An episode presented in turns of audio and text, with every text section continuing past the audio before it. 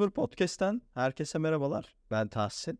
Sevgili dinleyicilerim, e, bugün sizlere blockchain, kripto paralar ilişkisine değinerek bir kripto paranın nasıl oluşturulduğunu, e, kripto para birimleri arasındaki farklılıklar, e, token, coin arasındaki farklılıklar ve oluşturulma sürecinde dikkat edilmesi gereken hususlar üzerine birlikte bir beyin fırtınası yapacağız. Hadi başlayalım. Kripto para birimleri malumunuz e, dijital çağda artık e, moda bir sözcük değil. Baya baya hayatımızın içerisinde yer alan, e, hayatımızın içerisinde yer almakla kalmayıp artık e, fiili olarak belki de ödeme sistemlerinde kullanılan, transfer işlemlerinde kullanılan bir para birimi haline geldi diyebiliriz. E, kripto para birimleri üzerinde aslında uzmanlar, medya, teknoloji uzmanları e, gelişimin henüz başlangıç aşamasında olduğunu söylüyorlar. Evet bu da doğru e, ama kripto para birimleri artık birçok ülkede hem medyada hem kurumsal alanda hem devletler bazında hem markalar bazında artık ciddiye alınan e, belli bir e, kefeye konulan belli bir vitrinde artık para birimleri arasında yerini almış bir olgu. Peki kripto para birimleri blockchain ilişkisinde e, blockchain teknolojisini biliyorsunuz e, aslında duymamızı sağlayan e, blockchain teknolojisiyle dünyanın tanışmasını sağlayan ana etkenlerden birisi kripto para birimleri oldu.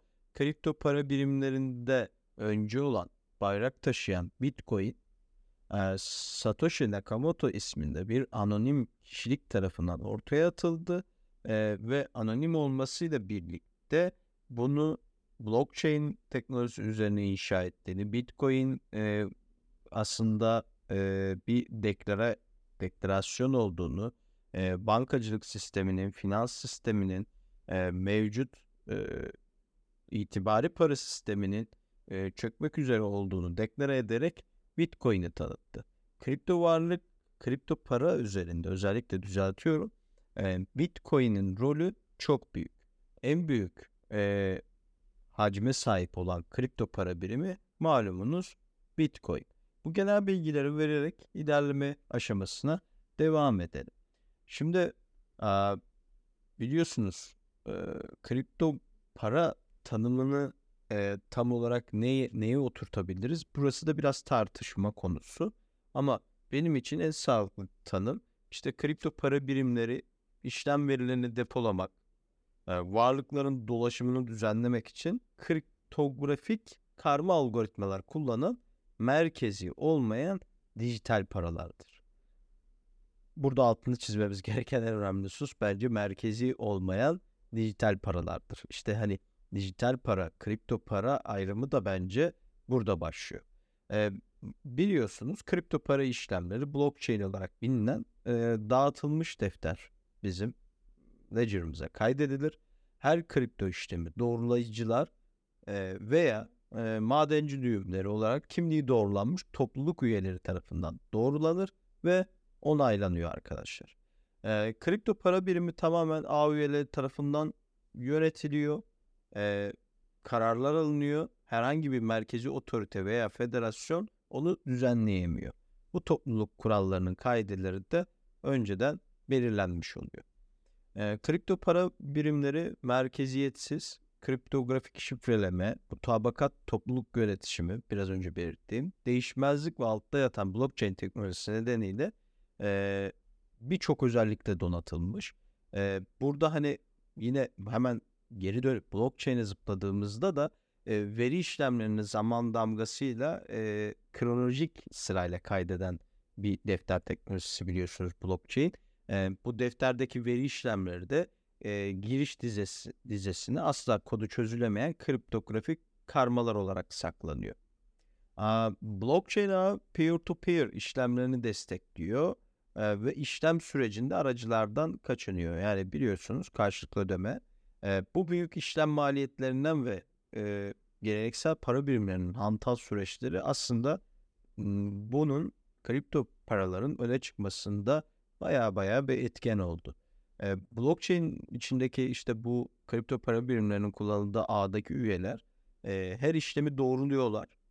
Ardından e, konsensus e, protokolleri çözerek veri zincirine ekleniyor. Her veri blok karma öncesi, karma veri ve duyuru değerlerinden oluşuyor. E, bu kripto işlemlerinin güvenlik ve değişmezlik özelliklerini müthiş derecede geliştiriliyor. E, şu an itibariyle e, şöyle bir istatistikte paylaşmak istiyorum. Tabii ki bu verinin güncel e, 2023 verileri olmadığını da belirteyim ama e, araştırmalarım sonucunda şu an itibariyle kripto pazarında yaklaşık e, 20 binden fazla kripto para birimi var. Bu sayı bayağı yüksek. E, kripto para birimlerinin büyümesi muazzam ve e, işte malum e, Bitcoin e, bayrak taşıyıcı. E, bunun yanında da marka böyle dünyada ve uluslararası alanda bayağı kabul edilen, takip edilen birçok kripto para birimi var. E, şimdi asıl merak konularından birisi de kripto paraların özelinde coin ve token arasındaki farklar üzerine değinmek istiyorum size. Ee, malumunuz kripto para birimleri coin ve token olarak sınıflandırılıyor. Her ikisi de kripto para birimleri kapsamına girse de temel seviye mimarilerinde büyük farklılık var arkadaşlar. Hmm, coinler işlemleri kaydetmek için e, özel bir blockchain defterin defteriyle oluşturuluyor. İşte e, Bitcoin, Ethereum, Neo gibi kripto paralar e, ağ işlemlerini kaydetmek için blok zincir defterine sahip. Bir kripto para piyasaya sürmeyi düşünüyorsanız ilk süreciniz e, bu blok zinciri geliştirme olacak. E, token, Ethereum ve Neo diğer defterler gibi açık kaynaklı blok zincir platformlarının blok zinciri altyapısını paylaşır. E, tokenlar da akıllı sözleşmeler ve markaların diğer araçlarını ödüllendirmek. Hmm, ne diyorlar buna? İşte e, reklam olmasın ama hopi tarzı örnek veriyorum. İşte markaların ödüllendirme mekanizmaları işte Shell e, kartınızda Shell puanınızın olması gibi. Buna örnek verebiliriz. Kripto e, yani kripto varlıklara baskın kullanımı işletme işletmenin kitle fonlaması kampanyalarını başlatmak için işte ICO dediğimiz olaylar ve diğer yatırım fırsatları alanında e, tokenların genel işleyişi bu şekilde. E, gelelim kripto para birimlerinin çalışma prensibine. İşte burası e, daha önceki konularımızda işledik ama ben özet olarak kripto para blockchain e, çalışma prensibi özelinde size özet geçmek istiyorum. E, kripto para birimleri dağıtılmış defter sistemi üzerinde çalışıyor. Biraz önce söylediğimiz gibi. Bu dağıtılmış defter sistemleri e, bir veri bloğunu kabul etmek için mutabakat protokolleriyle, anlaşmalarıyla oluşturuluyor. Blockchain defterindeki her işlem e, bu mutabakat kurallarına kesinlikle uyularak doğrulanıyor. E, bu işte ağlar içerisinde işte Proof of Stake, Proof of Work, e, Delegate Proof of Stake, e, Proof of Authority e, protokolleriyle çalışıyor. Bunlar genellikle protokollerin e, bazı protokoller tabii ki bunlar daha var ama ben en başta zaten herkesin bildiği Proof of Stake ve Proof of Work e, sistemleri en önde gelenler arasında. Blockchain e, ağ topluluğu üyeleri e, fikir birliği yönetiminde ya da anlaşmasında yer almak için kripto paralarla teşvik ediliyor. E, bu ağ işlemlerinin aynı zamanda güvenilirliğini ve şeffaflığını desteklemek için yüksek güçlü bilgisayarların insan emeğinin ve diğer kaynakların tahsis edilmesinin ödülü olarak e, karşı tarafa e, bunu yapanlara ödül olarak kabul ettiriliyor. E, kripto para birimleri cüzdan uygulamalarında saklanıyor. Herkes e, genel olarak e, belki %70 %80 borsa kullanıyor olabilir ama e, genelde cüzdan uygulamalarında saklanıyor. Aslında borsalarda sizin varlıklarınızı cüzdanlarda saklıyor. E, bu yazılım genel ve özel adreslerden oluşuyor arkadaşlar. Genel adresler e-posta adreslerine benzer ve özel adresler veya anahtarlar geçiş kodları gibidir. Şifreniz aslında. Kripto sahipleri özel anahtarlar kullanarak e, uygulamanın kimliğini doğruluyor. Cüzdanın genel adresiyle kripto para gönderip alabiliyor. E, kriptonun sahibi olarak bir işlem başlattığımızda özel anahtar blok zinciri ağı ile iletişime giriyoruz. Ve işlem işte o badenci düğümlerin olayını bekliyor. Biraz önce bahsettiğimiz ödül mekanizmasının ödülü kapan kişiler aslında bizim işlemlerimizi onaylayan kişiler. E, bu madenci e, işlemi onayladığında kripto paralar gönderinin e, cüzdanına kayıt edilmiş, düşmüş oluyor. Alıcının cüzdan adresine de alacak olarak kaydediliyor. E, bu halka açık e, kripto para birimleri ağında yani public blockchain dediğimizde her ağ üyesi anonimliğini koruyor. İletişim şey işlemleri de artık herkes görüntüleyebiliyor. Burada şöyle bir kronolojik sıralama yapalım. Kripto sahibi bir işlem başlatıyoruz. Kripto sahibi olarak. Cüzdanı özel anahtarlarla doğrulanıyor. Cüzdan yerel blockchain ağı, ile iletişime geçiyor. İşlem tüm ağ tarafından görülebiliyor. Madenci işlemi doğruluyor ve onaylıyor. Sonucunda bu işlem kaydediliyor. Madenci de fikir birliği hedeflerini desteklediği için yani konsensusta başarılı olduğu için buna destek verdiği için teşvik ediliyor. Final. Ee, bu şekilde bir sıralama var. Peki kripto para birimi geliştirmenin yararları neler? Buna da değinmek istiyorum. Çünkü e, kripto para birimini diğer para birimlerinden ayrışmasında, ön planda olmasında, kısa süre içerisinde bu kadar popüler olmasının sebepleri arasında aslında kendi içindeki bileşenlerdeki özellikler olduğunu düşünüyorum. Ee, bir kripto para birimi biliyorsunuz merkeziyetsiz. Bugün zaten en büyük problem enflasyon, finansal sistemdeki problemlerin başında merkezi otoritenin iki dudağının arasında olması. Yani temelde blockchain teknolojisi tarafından desteklenen merkezi olmayan bir yapı üzerine kripto para birimleri kuruluyor. Topluluk izleyicileri, geliştiriciler, markaları çeken e, merkezi otorite olmaksızın peer to peer işlemlerle alınıp satılıyor. Evet bu çok önemli. Bu da işte dijital dünyada getirdiği kolaylık, güvenilirlik, şeffaflık aslında birçok başlık bunun temeline dayanıyor. Ee, uluslararası kabul oranı yani bugün evet burada bir problem var ama ilerleyen aşamada kripto para birimlerinin bu kadar kolay alınıp satılması uluslararası ticarette, uluslararası ödemelerde baya baya bir etkisi olacağını, açık bankacılık sisteminde çok büyük etki uyandıracağını ve uluslararası kabul oranının da her geçen gün artacağını düşünüyoruz. Hızlı işleme, blockchain ağı e, topluluk izleyicileri olarak yani peer to peer işlemlerini teşvik ediyor esasında. E, bu işlem süreci de merkezi altyapıdaki aracıları ve e, bizim aslında hani arada bulunan hiyerarşik, hiyerarşik yapıyı keserek e, bütün süreci hızlı bir şekilde bize o imkanı elimizin altında para transferleri sistemini, parayı kullanma, parayı hükmetme sistemini elimize veriyor. Ee, düşük işlem maliyetleri denilebilir ama şöyle tabii ki evet bir maliyet var biliyorsunuz fi olayında problemler yaşanıyor ama geleneksel e, fintech sektörünün aksine kripto para birimlerindeki işlem maliyetleri e, daha düşük. Evet burada da bir işlem maliyeti var ama diğer tarafta işte uluslararası transferlerde vesaire itibari parayla transfer yapacağınızda bu maliyetler maksimum dereceye ulaşıyor. Gizlilik ve şeffaflık aslında nihai bizim hedefimize ulaşmak istediğimiz yerlerden birisi de burası. Blockchain ağ üyelerine doğrulama ve onay süreci bildiriliyor. Madenci işlemi doğruluyor. Çok az miktarda kripto para ve teşvik ediliyor. Bu işlem ağı genelde şeffaf olsa da kripto sahibinin anonimliği olduğu için bir gizlilik de doğuruyor. Ee, peki kripto para birimlerinin biraz da dezavantajlarına değinelim. Sadece e, işte e, blockchain teknolojisi üzerine yayın yapan bir podcast yayını olarak e, burada sadece fayda oranlarından bahsetmek çok reklamik olur arkadaşlar. E, bence evet dezavantajları da var ve bunların bir kısmını sıralayacağım size. Bir kısmını da belki ilerleyen bir yayında sadece e, blockchain teknolojisi ve kripto para birimleri üzerinde bize ne gibi dezavantajları var bir yayında çekebiliriz bu konuda.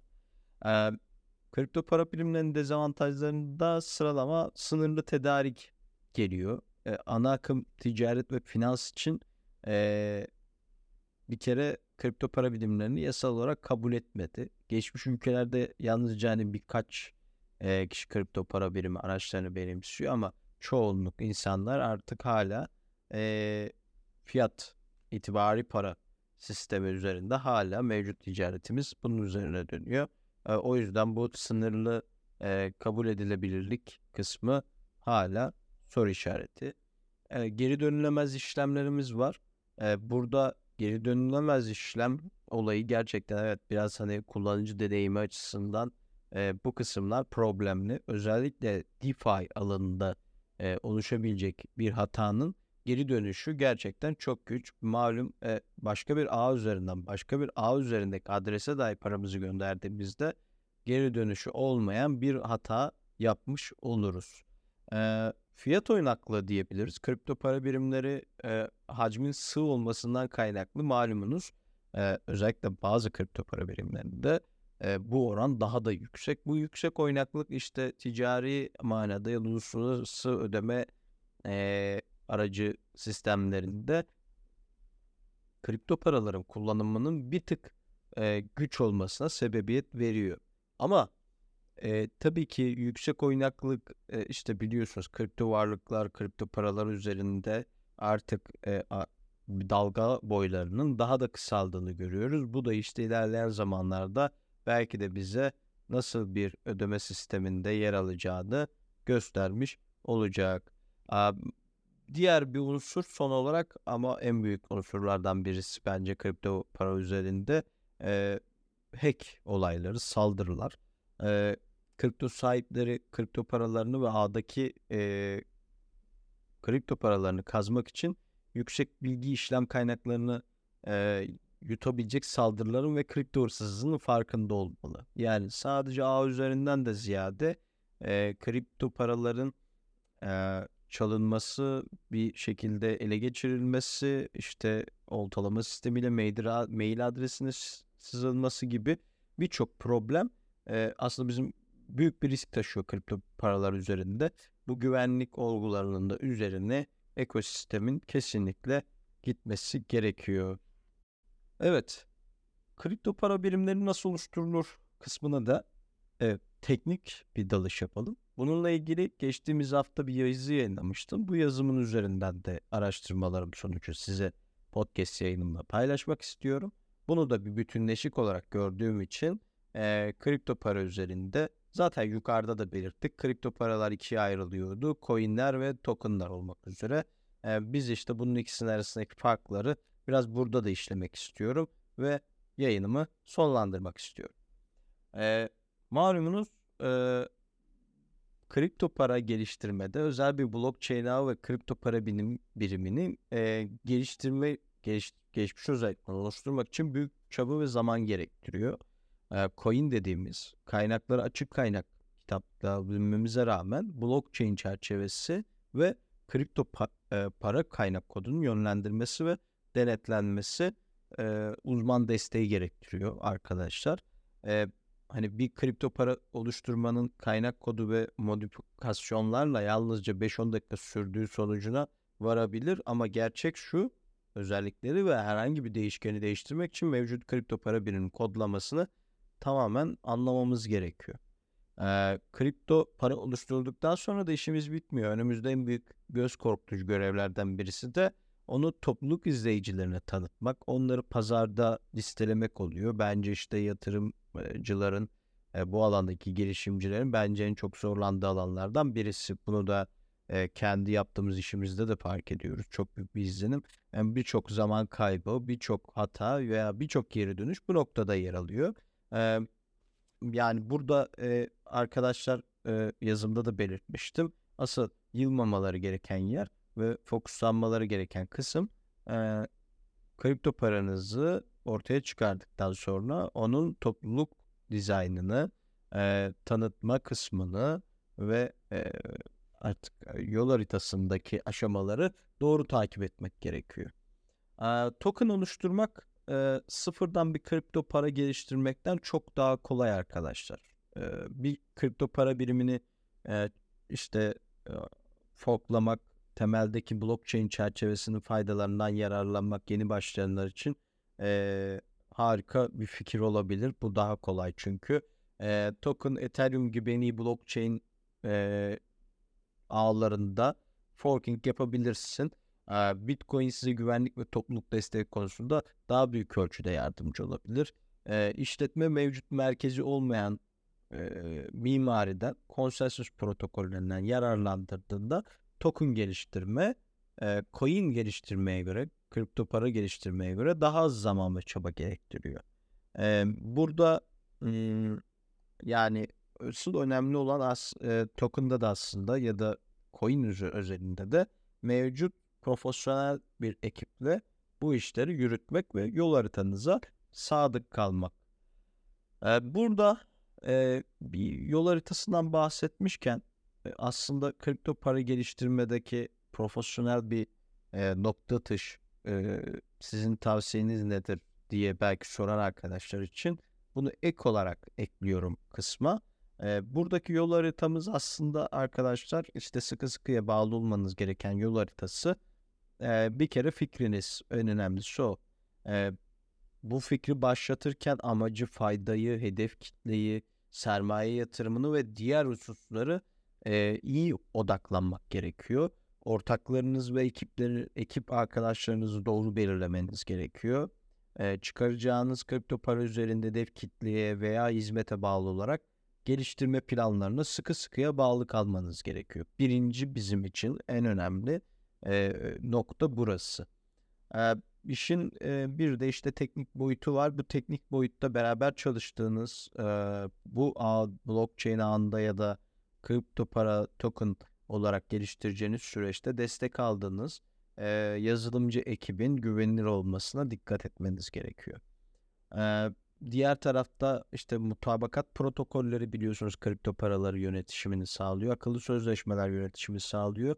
Bu kısımda protokollerinizin ve akıllı sözleşmelerinizin mahiyetini, çerçevesini ve teknolojik tasarımını doğru karar vermeniz gerekiyor. Ee, yine e, bir denetim mekanizması olması gerekiyor. Kripto para birimlerini ve blockchain altyapısını e, forkluyor olsanız bile yani tokenlıyorsanız bile e, bir kripto para başlattığınızda kod tabanını bir test mühendisleri ekibiyle denetlemek zorunlu ve önemli. E, denetimler biliyorsunuz sıkıcı, süreç uzun ve pahalı en önemlisi. Ancak kripto para biriminizi oluştururken önemli noktalardan birisi de e, güvenlik de oluşabilecek zaafları minimize etmektir. E, iyi bir white paper, iyi bir tanıtım e, bence elini çok çok güçlendirir. Birçok reklam alanında harcayacağınız eforun bir kısmından e, white paper'a odaklanırsanız e, bu konuda ciddi başarı elde edebilirsiniz. E, şunu da göz ardı etmemek lazım. White paper aslında hukuki bir deklare de olabilir. Yani o yüzden hukuki danışanlarla da bu işleri çözmek, iyi bir hukuk alanında bu konuya da hakim insanlarla oturup e, bu konu üzerine çalışmak e, sizin için etkin olabilir. E, listeleme kısmı var. E, işte kripto paranızı ortaya çıkardınız ama bunun listelenmesi gerekiyor. Uygun topluluklar bulunması gerekiyor. Bu uygun toplulukların desteğini almak gerekiyor. Ee, burada işte biraz daha zor kısımlar burada başlıyor esasen. Ee, ama dediğim gibi iyi bir yol haritası bu saydığım bileşenler çerçevesinde başarılı olacağını düşünüyorum. Evet arkadaşlar bugün genel olarak e, kripto varlıklar blockchain teknolojisi ilişkisine dayandık. Kripto para birimlerinin kendi içinde ayrıştığı, farklılaştığı noktalara değindik bir kripto paranın nasıl oluşturulabileceğini, ondan nasıl maksimum verim alabileceğimizi ya da işte burada şu da önemli. Bir kripto para nasıl oluşturulur kısmında buradaki izlenimlerimizde aslında yatırım yapmak isteyen yatırımcı arkadaşların da aydınlanmasını sağladık. E, işte bir proje gördünüz ve bu projeye yatırım yapmak istiyorsunuz. Bence bu şartları sağlayıp sağlamadığı aklınızın bir kenarında her zaman bulunsun. Evet, bugünkü yayınımızın sonuna geldik. 3.0 Podcast e, her hafta yayınlarına blockchain teknolojisi, kripto varlıklar, NFT, Web3 ekosistemi hakkında konuşmaya devam ediyor. E, ben Tahsin Büyük Yavuz. Bu haftalık benden bu kadar. Haftaya görüşmek üzere.